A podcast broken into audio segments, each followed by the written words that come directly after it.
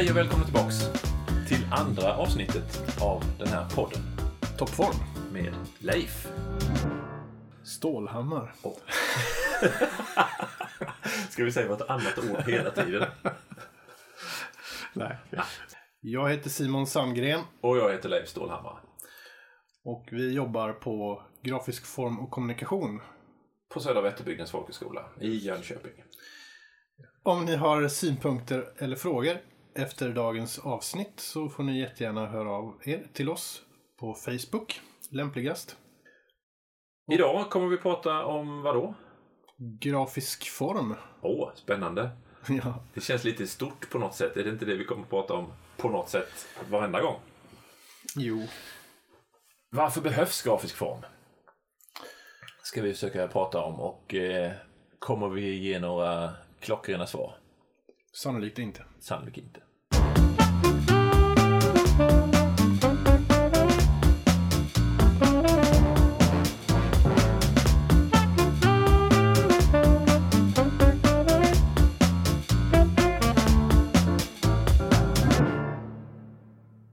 Första frågan. Behövs grafisk form? Ja, det är ett lätt svar. Ja. Och Då är vi klara med det här. där är vi överens. Nej, men eh, skulle man förklara säga att det inte behövs, då, då handlar det ju liksom om eh, att att vi inte förstår någonting i så fall. Vi måste strukturera på något sätt i den mån att struktur är grafisk form. Så ja, behövs det. ja. Så vi frågar oss då istället varför behöver vi detta? Den lilla frågan. Ja. Eh, ja men det är ju Det är ju en jättesvår fråga egentligen, eller också är den jättelätt. Eh, skulle vi inte ha någon grafisk form alls så skulle ju liksom alla bokstäver ligga på samma plats, till exempel. Det skulle ju vara den ultimata ingen grafisk form. Eh, och det hade ju varit svårt att uppfatta. Väldigt svårläst. Mycket svårläst och ja, inget, inget skulle bli kommunicerat. Så i, i dess enklaste form så kan man ju säga när jag skriver för hand med en penna så gör jag ju en grafisk formgivning. Bestämmer var saker ska stå. Så det du menar är egentligen att till och med en sån sak som teckenavstånd är grafisk formgivning? Ja, ordavstånd, teckenavstånd, att vi skriver på rader är ju egentligen grafisk form. Mm. Vi är ju överens om att jo men rader verkar bra och så skriver vi på dem. Vad skulle du säga då som svar på denna lilla, lilla fråga? Ja, en annan aspekt är väl för att vi ska vilja ta till oss information kanske. Just det, att det ska eh, underlätta eller eh, Ja. inspirera, tänker du? Ja, inte bara underlätta utan att eh, ja, för i så fall är det för att den ska vara möjligt. Men, men snarare i så fall inspirera att vi ska, ska vilja vara sugna på att läsa eller se någonting. Då tänker du att grafisk form kan lura oss till att vara eh, intresserade av något vi inte är intresserade av? Absolut. Men är det, är det viktigt då? Är det inte mest snobberi det här med att eh, det ska se snyggt ut, vi ska vilja läsa det, vi ska lura eh, hjärnan till att ta in eller så? Eh, ja, men det finns väl naturligtvis mm, formgivning som man kan kategorisera som snobbig. Eh, men om vi tar det tillbaka till att vi behöver formgivning för att ens kunna utläsa ett ord. Eh, att vi behöver rader och, teckenavstånd och ordavstånd och sånt så, så är det ju absolut viktigt. För att vi ens ska kunna tillgodogöra oss detta. Mm. Finns det några fler sätt som det är viktigt på än att det är bara radavstånd och teckenavstånd och liknande? Men det kan ju vara viktigt på, på andra sätt. Alltså det kan ju vara viktigt utifrån rättviseaspekter. Det vill säga att alla ska kunna förstå. Alla ska ha möjlighet att ta del av ett budskap. Beroende på om man har ja, funktionsnedsättningar eller lässvårigheter eller så. Mm. Eh, den aspekten så kan man då säga att där spelar även den grafiska formen in. Självklart så spelar själva språket som man använder om, det, om vi tänker oss att det är läst text. eh, så, så spelar ju språket roll förstås, men även hur man placerar det, hur stort, smått, kontrast. Så då kan vi ju ta in rättvisefrågor i det. Att, Mm. det, att det är viktigt ur den aspekten. Eh, grafisk form för alla. Intressant tanke. Finns det någon typ av form eller kan, kan vi med form exkludera en viss grupp av människor eller liksom sådär trots att de inte har en funktionsvariation? Sup- Alltså en, Ja. en helt vanlig grupp människor. Ja, jo men alltså vi kan ju, vi kan ju med form både tilltala och, tänker jag i alla fall, både med form tilltala och, och eh, exkludera människor. Men kanske inte göra den otillgänglig helt och hållet, eller? Nej, men alltså skulle jag formge något på ett eh, sätt som jag tror att eh, eh, man, kan ju, man kan ju gå in i sina fördomar där och liksom formge någonting som ser ut som en eh, viss typ av eh, tidskrift till exempel. Säg att det påminner om eh, skvallerpress, skvallertidningar. Mm. Eh, då får jag ju förmodligen en viss målgrupp men jag exkluderar ju också vissa andra som känner att det här bryr jag mig inte om oavsett vad jag skriver om. Mm. Så kan ju formen i sig då göra att jaha, de där väljer bort och de här väljer till. Eh, och där handlar det ju inte om funktionsvariationer. Nej, men trots allt så kan de ju ändå förstå och eh, tillgodogöra sig det som finns. Absolut, de skulle kunna göra det men de kanske väljer på grund av formen att låta bli. Absolut, men tror du det finns något sätt där vi kan liksom dölja någonting? Så att det helt enkelt inte blir tillgängligt för några, men tillgängligt för vissa andra. Ja, det är en spännande tanke. Eh, jag kan inte komma på något exempel så liksom att jag skulle, kan se en sån situation där jag skulle kunna formge något så att om det då inte handlar om att man formger det så att man måste ha eh, en viss utbildning för att kunna förstå det eller lägga ihop det eller räkna ut det eller något i den stilen. Det Eller kunna befinna sig i en kulturell kontext kanske. Ja, det Det är svårt. och det kanske man gör ibland, att man, man tar till sig information utifrån var man är. Men ja, Nej, men så, så viktigt är det ju. Och det är kanske viktigt att förstå att det är viktigt också. Mm. Eh, Det ligger ett visst ansvar i det. Mm. Så det handlar inte bara om målgruppsanalys av det skälet att man liksom ska pumpa ut ett budskap till en viss målgrupp utan kanske även förstå vilka hinder det finns för att förstå Mm. ta till sig. Eh, Det här med målgrupp är spännande tycker jag. Vad, tror du det finns något vad ska man säga, universellt eller nå- något eh, formspråk som tilltalar alla? Eller, konstig fråga. Nej, det är ju inte jättekonstig fråga. Om du menar liksom någon som inte har med kulturell bakgrund eller uppväxt eller eh, utbildning eller vad det nu kan vara för någonting. Mm. Att vi skulle bara gilla saker. Jag kan ju tänka mig egentligen att former som härmar naturen eftersom natur är något som alla människor på något sätt upplever. Så Mm. kanske inte man gör det om man bor eh, i en 20 miljoners stad någonstans. Det var svårt att bedöma men, men, men det finns ju ändå universella former på det viset. Molnformen är ju en sån här universell form som alla, alla ser. Det går liksom inte att undvika någonstans. Eh, så i i den mån kanske det finns liksom budskap som vi associerar till. Ritar man en, en eh, eh, vit fluffig sak på en blå bakgrund så tolkar nog alla människor det som ett moln på en blå himmel. Mm. Oavsett språk, kulturell bakgrund och så här. Så att det kan man väl säga kanske är universellt.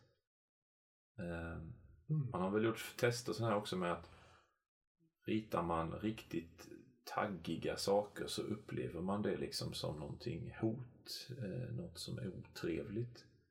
Vi associerar inte kantigt och taggigt med mjukt och skönt oavsett Mm. kulturell bakgrund. Nej. Och liknande gäller väl för färger? Ja, Att vi, vi upplever färger, eh, eller att olika färger gör olika saker med oss. Absolut. Men där är det ju lite svårare för där blir vi också kulturellt påverkade så att vi, Ja, det är sant. vi, vi lär oss ju liksom att eh, vitklädda människor eh, med ett ljus i handen eh, handlar om eh, jul och lucia Mm, här. mm. Medan om vi kör samma sak i Brasilien så tänker man på döden Mm. eh, istället kanske. Mm. Så att det, Jag, jag kommer att tänka på de här färgkartorna som man kan hitta på Pinterest där det står att eh, om man målar sitt sovrum med blå, blå färg på väggarna så kommer man sova gott för att man får liksom lugn och, och känner frid liksom i, Ja, lottrum och så vidare. ja. Och, och gul är någonting annat och så vidare. Vad, vad kommer den faktan ifrån egentligen? Ja, det, det, finns ju, det, finns ju lite, det finns ju forskning kring färg. Det finns ju, man kan ju, man kan plugga färglära så att säga. Det finns ju skol, olika skolor inom det. Men, men de flesta är nog rätt så överens ändå att det finns kulturellt betingade saker som påverkar oss där. Eh, Men också att det finns en del, alltså just naturfärger Mm. eh, har, eh, har en speciell inverkan på oss. Så blått och grönt är i vissa nyanser som kan förekomma i naturen då ja, påverkas åt, åt ett lugnande håll. Och Mm. Kanske vi upplever dem som mer öppna färger än, än många andra. Mm. Just för att vi associerar dem mer till naturen helt enkelt. Det har inte med frekvens att göra. Så. Frekvens som är så hjärnan påverkar? Ja, inte, inte vad jag vet. Men det skulle ju vara spännande. Då skulle man kunna liksom skicka in en ljusfrekvens istället på något sätt och så få en viss påverkan av det. Det var flummigt. Inte så flummigt. Lite, det är ju svårt det här. Men om man, om man går och säger liksom, om vi f- frågar oss istället då vad, vad, är, vad är bra och dålig form eller när är, när är någonting modernt eller när är någonting omodernt? Så här, påverkar det? Alltså finns det blir det dåligt när det är omodernt? Blir, kan, form, kan form vara bra en period och sen bli dålig? Mm. Om, om vi börjar med vad är bra och vad är dålig form. Finns det, kan man säga att det inte är subjektivt på något sätt? Man kan väl säga att det finns objektiva inslag i det. Ja. Det vill säga om, om alltså det ska fungera, det ska kommunicera, vi ska kunna tolka det. Eh, och där, där finns det ju liksom, ja, textmässigt finns det ju en, ett gäng regler då för liksom vad, vad är lättläst och vad kan vi uppfatta snabbt eller eh, ja, Men betyder det att bra formgivning är lika med alltså formgivning med god funktion? Ja, en del skulle säga det. Eh, Det finns ju liksom hela skolor kring det, funktionalister och sådär som Mm. hävdar att är det, är det inte funktionellt så är det inte eh, något bra alls och design och funktion går hand i hand och sånt här. Mm. Så, eh, så att eh, motsatsen blir väldigt svår att säga liksom att det här är bra design men den fungerar inte. Ja. Det här är bra form men den funkar inte. Då, Man kan säga att god funktion är förutsättningen för att det ska vara bra. Men det är inte nödvändigtvis bra bara för att det har god funktion. Nej, nej men precis. Och om det inte har någon funktion då kanske det inte är formgivning. Då kanske det är konst som då inte kräver någon funktion i sig. Mm. Utan mer ska bara vara upplevelse och eh, kanske ligga helt i mottagarens eh, tolkningsområde på något sätt. Men kan det vara bra en period? Tycker jag är spännande. Kan det, kan det ha en funktion och vara utmärkt under 70-talet och sen så plötsligt under 80-talet så, så är det dåligt för att Ja, men det tror jag absolut därför att um, man tilltalas kanske av något speciellt över en tid för att det är trendigt eller så. Eh, och då kanske ehm, ett budskap klätt i de kläderna fungerar bättre just då än vad det hade gjort tidigare eller kommer göra senare. mm, Eh, så det tror jag absolut. påverkar teknik vad som är bra form. Det beror lite på hur, hur du menar. Det som jag tänker på spontant är ju till exempel typografi på eh, trycksaker mot till exempel då skärmar. Eh, där ju de skärmarna som vi har idag klarar av i princip all typografi som, som vi tidigare kanske bara haft på trycksaker. Ja, för att vi har haft för dåliga skärmar och det har sett för gräsligt ut Mm. tidigare. Där är vi ju inte riktigt längre idag. Nej. Så då skulle man kunna säga att det som var bra formgivning av text på 90-talet är dålig formgivning av text idag på skärm. Ja, för så behöver det nödvändigtvis inte heller vara. Men däremot sånt som var bra i trycksaker då och dåligt på skärm då kan vara bra även på skärm nu. Ja, just det. Jag kanske förstod det där. Det är möjligt. Kan du säga någon gång när bra, dålig form gjort skillnad på riktigt? Eller gör skillnad på riktigt? Mm. Det kan jag. Ehm, ett konkret exempel från, från min värld då. eh, på ett, en tidigare arbetsplats som jag hade så, så mätte vi väldigt mycket hur olika formgivning presterade. Eh, det- till exempel en knappfärg eh, på en webbplats då. Ja, Eh, om den ska vara röd eller grön för att få flest klick eller konverteringar. Då. mm. Eh, och så där är ju formgivningen verkligen avgörande. Eh, för har man stora trafikmängder och man får en halv procent eh, högre konvertering med en röd knapp istället för en grön så blir det ju jätteviktigt. Mm. Men då har man testat på en, på en viss målgrupp. I. Ja, i, i- det här konkreta fallet så testade vi på alla besök. ja det. Ett A-B-test egentligen. Där hälften fick eh, se den röda knappen och hälften den gröna. Ja. Man kan ju säga att trafikmärken är ju ett sånt exempel också där, där grafisk form gör skillnad på riktigt.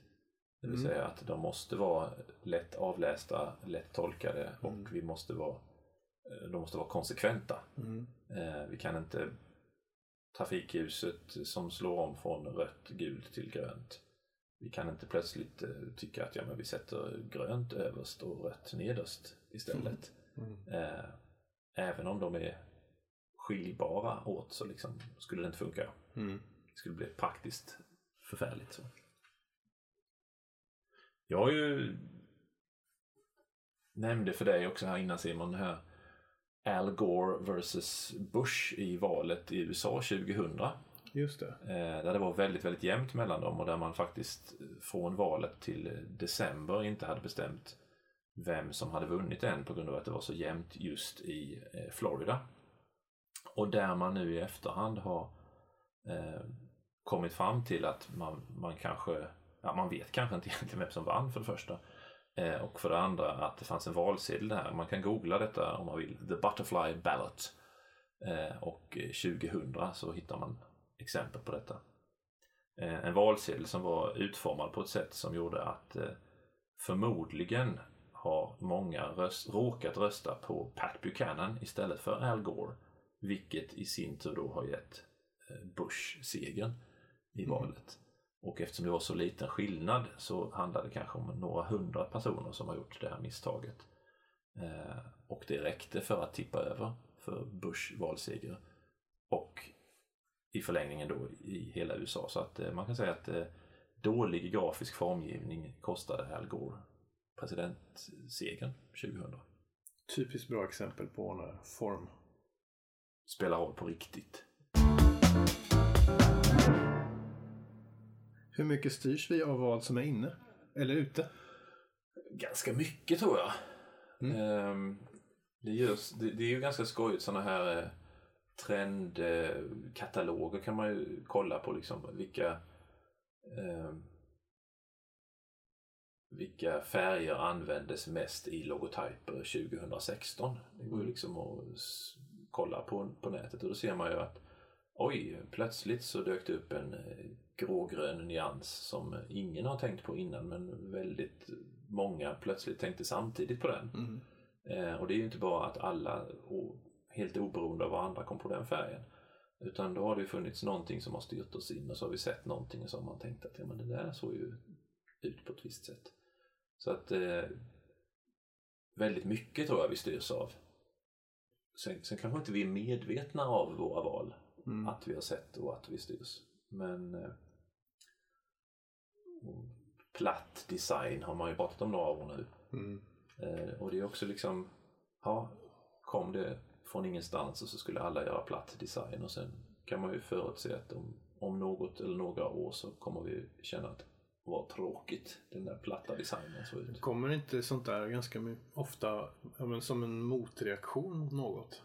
Jo, det kan nog vara. Och den platta designen var en motreaktion på, Så, så som jag tänker mig det i alla fall så var det lite grann en motreaktion på eh, det som jag inte minns vad det heter nu som har ett fint ord. Men den här ehm, designen som iOS hade från början där allting skulle se ut som någonting som var, fanns i verkligheten på Ja, riktigt. Typ riktigt läder och, och liksom sådana ytor och sånt. ja och allting hade lite... Metall och det, det skulle vara, men se ut som riktiga material. Just det.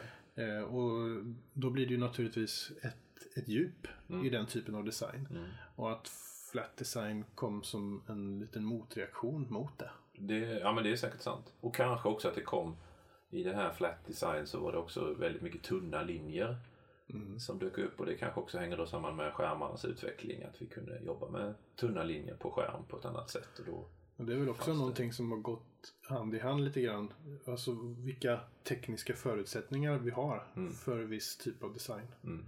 Och det är samma med, om vi tänker på webben så kan man ju se med färger och så här också att det fanns det väldigt begränsat för 20 år sedan. Mm. Vilka, hur många färger och vilka färger vi kunde använda. Och Ja, verkligen. det styr ju förstås vad som, både vad som är inne och vad som är, funkar. Så ja, det var ett långt och konstigt svar egentligen på. Men eh, absolut påverkas vi av vad som är inne Mm. när vi också bestämmer vad som är bra. För att avrunda lite grann då kring formgivning, Leif. Vad tycker du är snyggt? helt oförberett sådär. Eh, vad jag tycker är snyggt. Eh, just nu.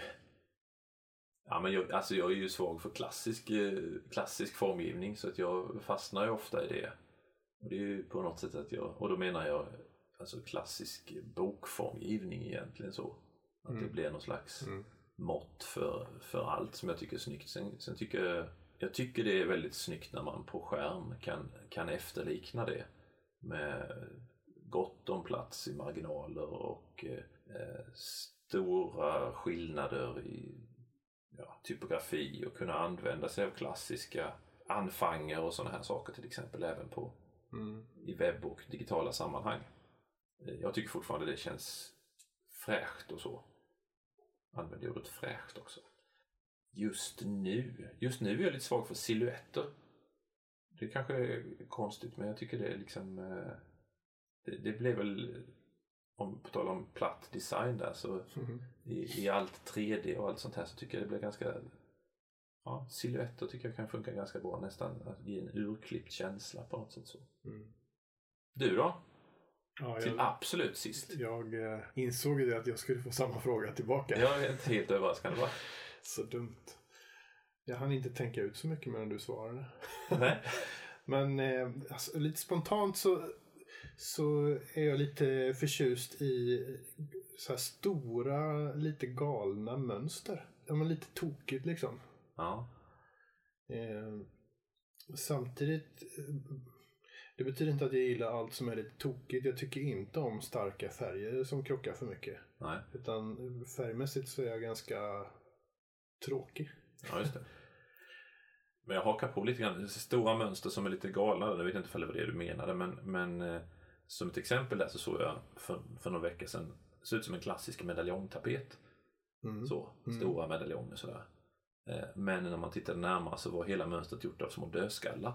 Ja. Och det blev ganska roligt Ja. jag. Det blev liksom en skojig krock där att göra något klassiskt av något. Dödskallar är väl klassiskt det också kanske men, men det är inte det vi förväntar oss. Mm. Vad kul att ni har lyssnat ända hit. Om ni tyckte att detta var roligt eller bra så sprid gärna ordet om vår podd. Gör det. Gör det även om ni inte tycker det är så bra. Ja, precis. Ja. Lyssna på den här skiten. Lyssna på den här skiten, de vet inte vad de pratar om. Vi hörs snart igen. Hej, hej. Hej!